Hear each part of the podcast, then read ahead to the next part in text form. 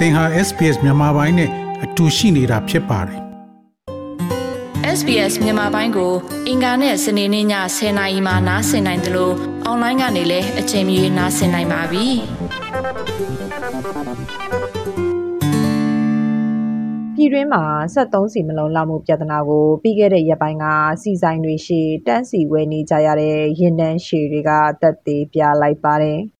ဒါဟာလက်ရှိဖြစ်ပေါ်နေတဲ့မြန်မာစီးပွားရေးအကျပ်အတည်းရဲ့တက်ရောက်မှုတစ်ခုလို့လည်းဆိုနိုင်ပါတယ်။ဒေါ်လာဝယ်ယူရောင်းချမှုကိုစစ်ကောင်စီကကတ်သက်ပြီးနောက်မှာပဲကုန်စည်နှုန်းတွေမြင့်တက်တာ73စီလိုတလောက်ဝယ်မရတော့တာကိုပြည်တွင်းမှာရင်ဆိုင်နေကြရတာပါ။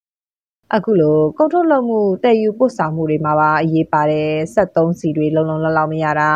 ဈေးကြီးပေးဝယ်ရတာဟာကျဆင်းနေပြီးသားတိုင်းပြည်ရဲ့ခန္ဓာအသီးသီးကိုပါထပ်မံထိခိုက်လာစေတာပါ။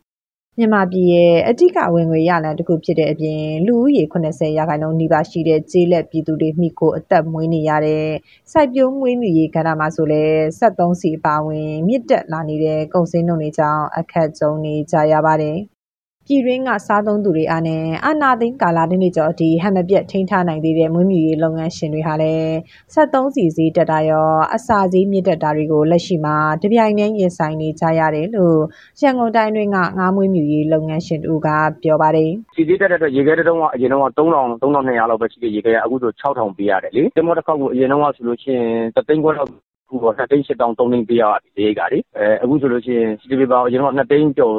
အခုဆိုရင်5သိန်း2000ပေးဝယ်ရတယ်ဟိုစဉ်းစားလာပြီဘာလို့ဆိုတော့ဈေးတွေကဟိုအပူပေါ့ဒီ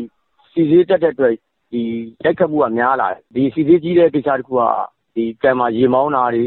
ဒီစီနဲ့ပတ်သက်တဲ့ဟာတွေဟိုအစာတွေကဲ့ယူရတာတွေမှာဈေးတွေရေရှည်မှာတော့အဆင်ပြေနိုင်ဘူးကွမပြေနိုင်တော့ဒီပုံစံနဲ့ခီးဆက်သွားမယ်ဆိုအခုဆိုရင်ပေါ်တိတ်ကအရင်တော့ 9000ဝန်းကျင်လောက်နဲ့ သွားနေတဲ့ခီးက အခုဆိုရင်13000နီးပါးလောက် သွားနေပြီလေ ဝယ်ရအရင်တော့9000လောက်ကတော့စက်တက်လောက် ဝယ်လို့ရတယ် အခုက13000လောက်ကိုပဲ အခုဝယ်လို့မရဘူး သူပတ်သက်ပတ်သက် နီးစရာ နီးစရာ နည်းနည်းပတ်ပတ်ဟာတွေပဲ ရတယ် ဆိုတော့ အစာကုန်ရမ်း ရှားပါတဲ့တန်ကို ခံရမှာပေါ့နော် ဒီနှစ်က ဒီအစာဈေးကြီးကြီးနဲ့ ပွဲတိတ်ကို9000ဝန်းကျင်လောက်ကရှိတဲ့ ပွဲကို အခုဆိုရင် 13000 1000ခွဲလောက်နဲ့ကျွေးရမှာပေါ့နော်ကျွေးရပြီးတော့ငါးသေးရတော့မတိကြမေးရမှုတွေနဲ့တော့ရမှာပေါ့ငါးစာဈေးနှုန်းတွေဟာပြီးခဲ့တဲ့မတ်လကလေးကတဖြည်းဖြည်းတက်လာခဲ့တာဖြစ်ပြီးပုံမှန်ဈေးနှုန်းတွေကြီးလေးရှိတဲ့ဂျွန်လကနေအောက်တိုဘာလအတွင်းကာလတွေမှာတရိတ်ကိုအနည်းဆုံးကျပ်တထောင်ခွဲလောက်အထိဖြစ်လာနိုင်တယ်လို့လုပ်ငန်းရှင်တွေကခန့်မှန်းနေကြပါတယ်။ ဧက90ကျယ်ဝန်းတဲ့ငါးကန်တကယ်မှာတနည်းကိုငါးစာဖွဲအိတ်35အိတ်ကနေအိတ်90အတွင်းပုံမှန်ကျွေးနေရတာကြောင့်အစာအတွက်တစ်လကုန်ကြစီဟာကျပ်သိန်း150နဲ့200ကျော်အတွင်းရှိနေပါတယ်။ဒီလိုအရင်းနှီးကြီးကြီးနဲ့မွေးမြူထားတဲ့ငါးတွေကိုအဖက်ဖက်ကဝင်ငွေလျော့နည်းနေတဲ့စားသုံးသူတွေရဲ့ဈေးကွက်အတွင်းကိုသာအများဆုံးတင်ပို့နေကြရတာပါ အာနာသိန်းကာလမှာ ပြပတင်ပို့မှုဈေးကွက်ကိုအကူလို့မရတော့တဲ့ ပြည်တွင်းလုပ်ငန်းရှင်တွေဟာ ထုတ်လုပ်မှုတွေကို လျှော့ချပြီး လုပ်ငန်းတွေကို ဟန်မပြဲလက်ပတ်နေကြရပါတယ်။ငါးဈေးကွက်လိုပဲ ပြည်တွင်းဝယ်လိုအားတွေနဲ့ ဈေးနှုန်းတွေကျဆင်းမှုမရှိပေမဲ့ ကုန်ထုတ်လုပ်မှုစည်းမြင့်တက်လာတာကို ရင်ဆိုင်နေရတဲ့နေမှာစီဇက်လုပ်ငန်းရှင်တွေလည်း ပါဝင်ပါတယ် စစ်ကောင်စီလက်ထက်လျှက်စစ်မီမမှန်မှုဒေါ်လာရောင်းဝယ်မှုကန့်သက်ချက်တွေနဲ့အခုခါလာ73စီစီမြင့်တက်မှုတွေကြောင့်ပုံမခက်ခဲလာရတယ်လို့ပြောလာသူကမကွေးတိုင်းအတွင်းကစီဇက်ပိုင်ရှင်တူပါငွေကြေးဝန်ဆောင်မှုပေါ့အဲ့ဒီစားတွေကဘလုံးမအဆင်ပြေဘူးရင်တော့ဆိုရင်ငွေဆီရောင်းတယ်ပြုတယ်ဆိုရင်ဥပမာထားပါတော့ဘယ်နယ်ကိုပဲတင်တင်ဟိုကငွေလွှဲတဲ့ကိစ္စအချိန်ကြီး24နာရီအုပ်ကြည့်ရတယ်လေနံပါတ်1ပေါ့ဒီကိစ္စကတော့ဟို KB နဲ့ပဲလွှဲလွှဲ ဝေးနဲ့ပဲလွှဲလွှဲသူအကောင့်ထဲရောက်လာပြီဆိုရင်အဲ့အကောင့်ပြီးတော့ sign ထားရဆိုရင်ဟိုဝေးဆိုရင်ယူမအကောင့်ပေါ့နော်ယူမအကောင့်တွေကိုပြန်ထည့်ထည့်ပြီးတော့ယူမကတ်ကနေပြီးတော့ယူမကတ်ကနေပြီးတော့အချိန်ကြီးပြန်ထုတ်လို့ရတယ်လေ24နာရီ KB လည်းဒီလိုပဲပေါ့နောက်ပိုင်းကျတော့အဲ့လိုမျိုးမဟုတ်တော့ဘူးမဟုတ်တော့တဲ့အခါကျတော့ဒီငွေကြေးဝန်ဆောင်မှုကလည်းနည်းနည်းအခက်အခဲရှိအဲ့အဲ့ဒါလေးတွေဘာစနစ်နဲ့ပေးပြီးထုတ်မှအဆင်ပြေတာတို့ဘာလို့ညာတို့အဲ့လိုဟာမျိုးရှိတယ်။နံပါတ်1တဲ့ကိုယ်ဆောင်ဒီကဏ္ဍတွေလည်း ဟိုတော့ဘုံရင်းတော့တက်ဖို့တက်ဖို့ဒီစီစီကပူပြီးတော့ဟာပေးလို့ဖြစ်နေပါတော့။အဲ့ဒါနံပါတ်2ပေါ့။ဘုရားကြတော့ရစင်ဒီကပြည့်စုံပြီးတော့ဘုရားတိုင်းမလာနိုင်ဘူးမလာနိုင်တဲ့အခါကျတော့လာတဲ့ဒီထားလာတဲ့အနေထားပေါ်မူတည်ပြီးတော့ဟိုအလုပ်လုပ်ရတယ်အလုပ်လုပ်ရတဲ့ခါကျတော့လုပ်ချင်ပြီးမလုပ်ရဘူးသူ့အချိန်နဲ့သူလာတာဖြစ်တဲ့အတွက်ကြောင့်၈နာရီက3ရက်မှတစ်ချိန်တော့ကျွန်တော်တို့အလုပ်လုပ်ရတယ်လက်စမီအနေထားကြောင့်အဆင်မပြေဘူး 1962ခုနှစ်စစ်တပ်အာဏာသိမ်းပြီးချိန်ကစပြီးအခုတစ်ချိန်အာဏာသိမ်းကာလအထိမြန်မာစီးပွားရေးဖွံ့ဖြိုးမှုဆိုးဆိုးဝါးဝါအနှုတ်ပြခဲ့တာ၃ချိန်ရှိခဲ့ပူပါတယ်။တရုတ်ဗမာအရေးခင်းနှစ်1960ခွန်တတိယအကြိမ်စစ်အာဏာသိမ်းကာလ1988နဲ့လက်ရှိအာဏာသိမ်းကာလ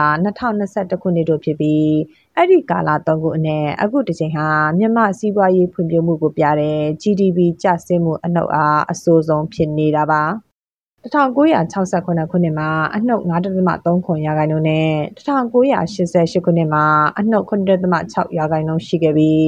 အခု2021မှာတော့အနှုတ်18.4ရာခိုင်နှုန်းအထိအဆိုးဆုံးကျဆင်းခဲ့တာကို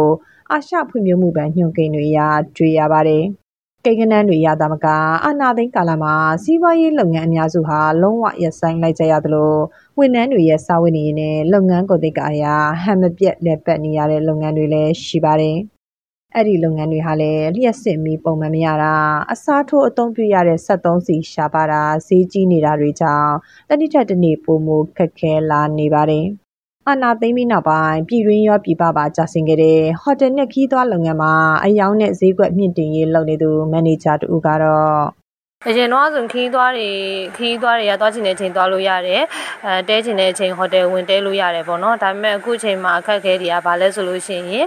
အာသူတို့အနေနဲ့ကပေါ့နော်မာရှယ်လောထုတ်ထားတဲ့အခါကျတော့အချိန်ကအကန့်အသတ်ဖြစ်တဲ့အတွက်သွားလာတာလဲပေါ့နော်ဒီခီးသွားတွေအနေနဲ့ကတော့အလွယ်တကူလာဖို့ကြတော့ခက်ခဲကြတယ်ပေါ့နော်ခီးသွားတွေအဲ့လိုနေပါလာတဲ့အတွက်ကြောင့်အတွက်ကြောင့်ပေါ့နော် ဟိုတယ်ဟိုတယ်တွေအနေနဲ့ကဟောဝန်တန်းတွေကိုပေါ့နော်အများကြီးရင်အားလိုမျိုးမခန့်ထားနိုင်ဘူးဆိုတဲ့အခါကျတော့အရင်တော့ရှိတဲ့ဟိုတယ်ဝန်တန်းတွေကိုတဝက်လောက်ကိုချောချပြရတယ်ပေါ့နော်အခုမှအရန်ခက်ခဲလာတာကဘာလဲဆိုလို့ရှိရင်ဒီမီးတွေပြတ်တယ်ပေါ့ပထမအောင်ဆိုတစ်ချက်မှာဖြစ်ဖြစ်ပြက်လာတဲ့ကိစ္စမှာမီးပြတ်တယ်မီးပြတ်တဲ့အခါကျတော့မီးစက်နဲ့လဲရတယ်ပေါ့နော် မီးစက်နဲ့လဲရတဲ့ခါကျတော့ကျမတို့အနေနဲ့24နိုင်မီးပေးလို့မရတော့ဘူးမီးမလာတဲ့အချိန်ကြလို့ချင်းကျမတို့အချိန်ပိုင်းနဲ့ပေးရတာတွေရှိတယ်ပေါ့နော်ဒါပေမဲ့ဘာပြဿနာထပ်ဖြစ်လာလဲဆိုတော့မီးပြတ်တဲ့မီးကိုအချိန်နဲ့ပေးတာကိုဖြစ်လာတဲ့အပြင်ကိုဒီလိုမျိုးဟိုစီတွေကလည်းရှားပါလာတယ်စီတွေဝယ်ရတာလည်းဈေးတွေအစမတန်ပေးပြီးတော့ဝယ်ရလာတဲ့အခါကျတော့သုံးစိတ်တွေများလာတဲ့အခါကျတော့ဟိုတယ်ကိုရက်တီရတာအခက်အခဲတွေဖြစ်လာတာပေါ့နော် စစ်ကောင်စီကအကြမ်းဖက်အာဏာသိမ်းပြီးနောက်ပိုင်းအဖက်ဖက်ကကြာဆင်းလာနေတဲ့တဲမှာစီးပွားရေးလုပ်ငန်းတွေနဲ့အတူတအူးချင်းဝင်ငွေနှုန်းချတွေလည်းပါဝင်ပါတယ်။မြန်မာနိုင်ငံရဲ့တအူးချင်းဝင်ငွေနှုန်းထားဟာအိန္ဒိချင်းနိုင်ငံတွေဖြစ်တဲ့ကမ္ဘောဒီးယား၊လာအို၊ဘင်္ဂလားဒေ့ရှ်စတဲ့နိုင်ငံတွေရဲ့အောက်မှာရောက်နေတာပါ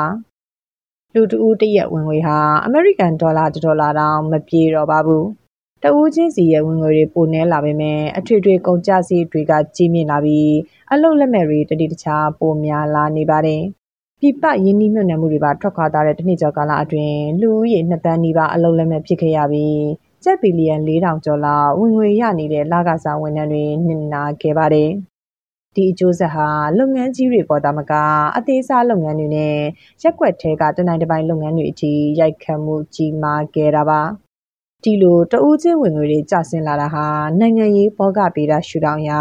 စီးပွားရေးအရွယ်အစားပမာဏသိငယ်ခြင်းဆိုတဲ့ကြဆုံးတိုင်းပြည်နိုင်ငံတွေမှာတွေ့ရတဲ့တွေ့မြင်လက္ခဏာနဲ့အခြေခံအကြောင်းရင်းတွေကအချက်တစ်ချက်အဖြစ်ပါဝင်နေပါတယ်။လက်ရှိတိုင်းပြည်စီးပွားရေးကျဆင်းနေမှုနဲ့ပတ်သက်ပြီးစီးပွားရေးဆိုင်ရာအကြံပေးကုမ္ပဏီမှာတာဝန်ရှိသူတူကတော့အခုလိုသုံးသပ်ပါတယ်။အာဏာသိမ်းပြီးတော့ပထမဆုံးစပျက်စီးတဲ့ကဏ္ဍကတော့ဆက်သွယ်ရေးကွန်ရက်ပေါ့နော်ကျွန်တော်နိုင်ငံမှာ အလားအလာတွေအများကြီးရှိပြီးတိုးတက်နေတဲ့ဆက်သွယ်ရေးစနစ်ကပထမဆုံးစပျက်စီးသွားတယ်အာဒုတိယအနေနဲ့ကတော့ဘဏ်စနစ်ပေါ့ဗျာကျွန်တော်တို့ငွေပေးချေမှုစနစ်တွေငွေငွေကြေးခန္ဓာတွေအာ10နှစ်လောက်လုပ်ခဲ့တဲ့ဘဏ်ကင်စနစ်ပျက်စီးသွားတယ်နိုင်ငံရဲ့အဓိကလျှက်စစ်ပေါ့နော်စွမ်းရည်စနစ်ပျက်စီးသွားတယ်။နောက်တည်ပို့ဆောင်ရေးစနစ်တွေပျက်စီးသွားတယ်။အကုန်လုံးနှိပါ ပျက်စီးတော့ကိုဗစ်ကာလကြောင့်ဒီနိုင်ငံရဲ့ပို့ကုန်ခန္ဓာရော့ကျနေတယ်အသွင်းကုန်ခန္ဓာသုံးဆွမ်းနိုင်စွမ်းရော့နေတဲ့အတွက်ဒီသွင်းကုန်ခန္ဓာရော့နေတဲ့အတွက်ဒီကုန်ကုန်သွယ်ရေးလုပ်ငန်းမှာလည်းတော်တော်လေးကိုအကြီးအကျယ်ထိခိုက်ခဲ့တယ်ပေါ့နော်အခုဆိုလို့ရှိရင်နိုင်ငံတွင်းမှာလည်းဒေါ်လာကိုကန့်သက်တဲ့အတွက်နိုင်ငံအဲ့အကုန်လုံးအကုန်လုံးလုပ်ငန်းအားလုံးနှီးပါအသေးစားလုပ်ငန်းတွေ အသေးစားစီးပွားရေးလုပ်ငန်းတွေအလက်စားစီးပွားရေးလုပ်ငန်းတွေကဘလို့မှရပ်တည်နိုင်ဖို့မဖြစ်နိုင်တော့တဲ့ဘဝဖြစ်သွားတာပေါ့နော်ကိုဗစ်ကြောင့်ဒီထိခိုက်ခဲ့တဲ့စီးပွားရေးလုပ်ငန်းတွေဟာအာဏာသိမ်းမှုကြောင့်နိုင်ငံရဲ့စီးပွားရေးပြက်ကတ်ပြက်ကအဆင့်ကိုရောက်သွားပြီးတော့လုံးဝစီးပွားရေးချွတ်ချုံကြတဲ့အစီကိုရောက်သွားတာပေါ့နော်အဲ့တော့အခုနိုင်ငံကအခုချိန်မှာလက်စင်မီ ဒီဇိုင်းဒီပိုင်းနစရနေတာရယ်စက်တော်ရေးကွန်ရက်လေးရနေတာရယ်နောက်ပြီးအစားတောက်မပြတ်သေးတဲ့အားလွဲလို့ရှိရင်နိုင်ငံကအခုချိန်မှာ face state လို့ခေါ်လို့ရမှာပေါ့နိုင်ငံဟာကြဆုံးနိုင်ငံကိုဥတုနေပြီလို့ပြောရမယ်အာနာသိန်းကာလတစ်နှစ်ကျော်အတွင်းရိုင်းနဲ့ပျက်စီးလာတဲ့စီးပွားရေးကဏ္ဍနဲ့အတူနိုင်ငံအနှံ့မှာဖြစ်ပေါ်နေတဲ့ခုခံတော်လှန်စစ်တွေကြားမှာနေ့စဉ်စာဝင်နေရေးအတွက်ရုန်းကန်နေကြရသူတွေဟာပြည်သူတွေပါကမ္ဘာ့ဘဏ်ရဲ့အခုနှစ်နှစ်စမ်းပိုင်းကထုတ်ပြန်တဲ့အစီရင်ခံစာမှာတော့ ကိုဗစ်နဲ့စစ်အာဏာသိမ်းမှုအောက်မှာမြန်မာနိုင်ငံရဲ့စီးပွားရေးအခြေအနေဟာစိုးရိမ်ဖွယ်ကျဆင်းနေပြီးစီးရဲမွဲတူမှုကလည်းနှစ်ဆတိုးလာနိုင်တယ်လို့ဖော်ပြထားပါတယ်။ပြည်သူတွေအတွက်တော့တရက်ပြီးတရက်မြင့်တက်လာနေတဲ့ကုန်စည်နှုန်းလျှော့နှဲလာတဲ့ဝင်ငွေရှားပါလာတဲ့ထုတ်ကုန်နဲ့အခြေခံလိုအပ်ချက်တွေကိုဆက်ပြီးကြက်ကြက်ခံနိုင်ဖို့အာဏာရှင်စနစ်အမြင့်ဖြတ်ရေးဆိုတဲ့စိတ်ခွန်အားတစ်ခုနဲ့သာတွန်းလှန်နေကြရတာပါ ဒီသတင်းဆောင်မကိုတန်လင်းခက်ကပေးပို့ထားတာဖြစ်ပါတယ် sbs.com.au/bemis ကို home နေရာမှာထားပြီးတော့အမြဲတမ်းနှာစင်နိုင်ပါတယ်။နောက်ဆုံးရသတင်းတွေ၊ဆောင်းပါးတွေနဲ့စစ်တမ်းတွေမှာပါဝင်ပြီးတော့ဆက်သွယ်မှုလုပ်နိုင်ပါတယ်။ sbs.com.au/bemis ဖြစ်ပါတယ်ရှင်။